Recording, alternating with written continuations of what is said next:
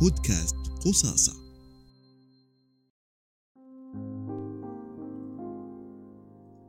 أنا أفكر. إذا أنا موجود.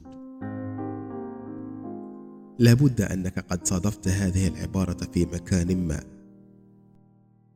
التفكير هو ما يميزنا عن الحيوان وهو الذي مكن الإنسان من أن يتملك زمام الحياة.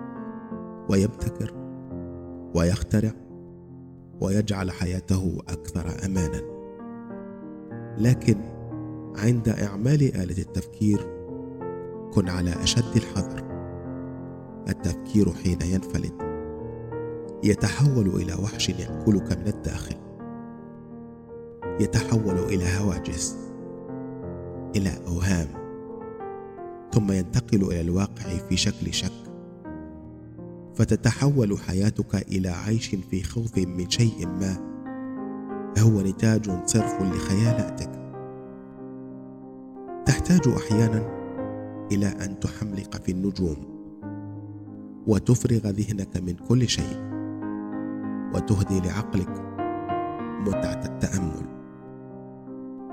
تعامل مع التفكير كأنه حبل تمشي فوقه. إن أبطأت تعبت وإن أسرعت وقعت.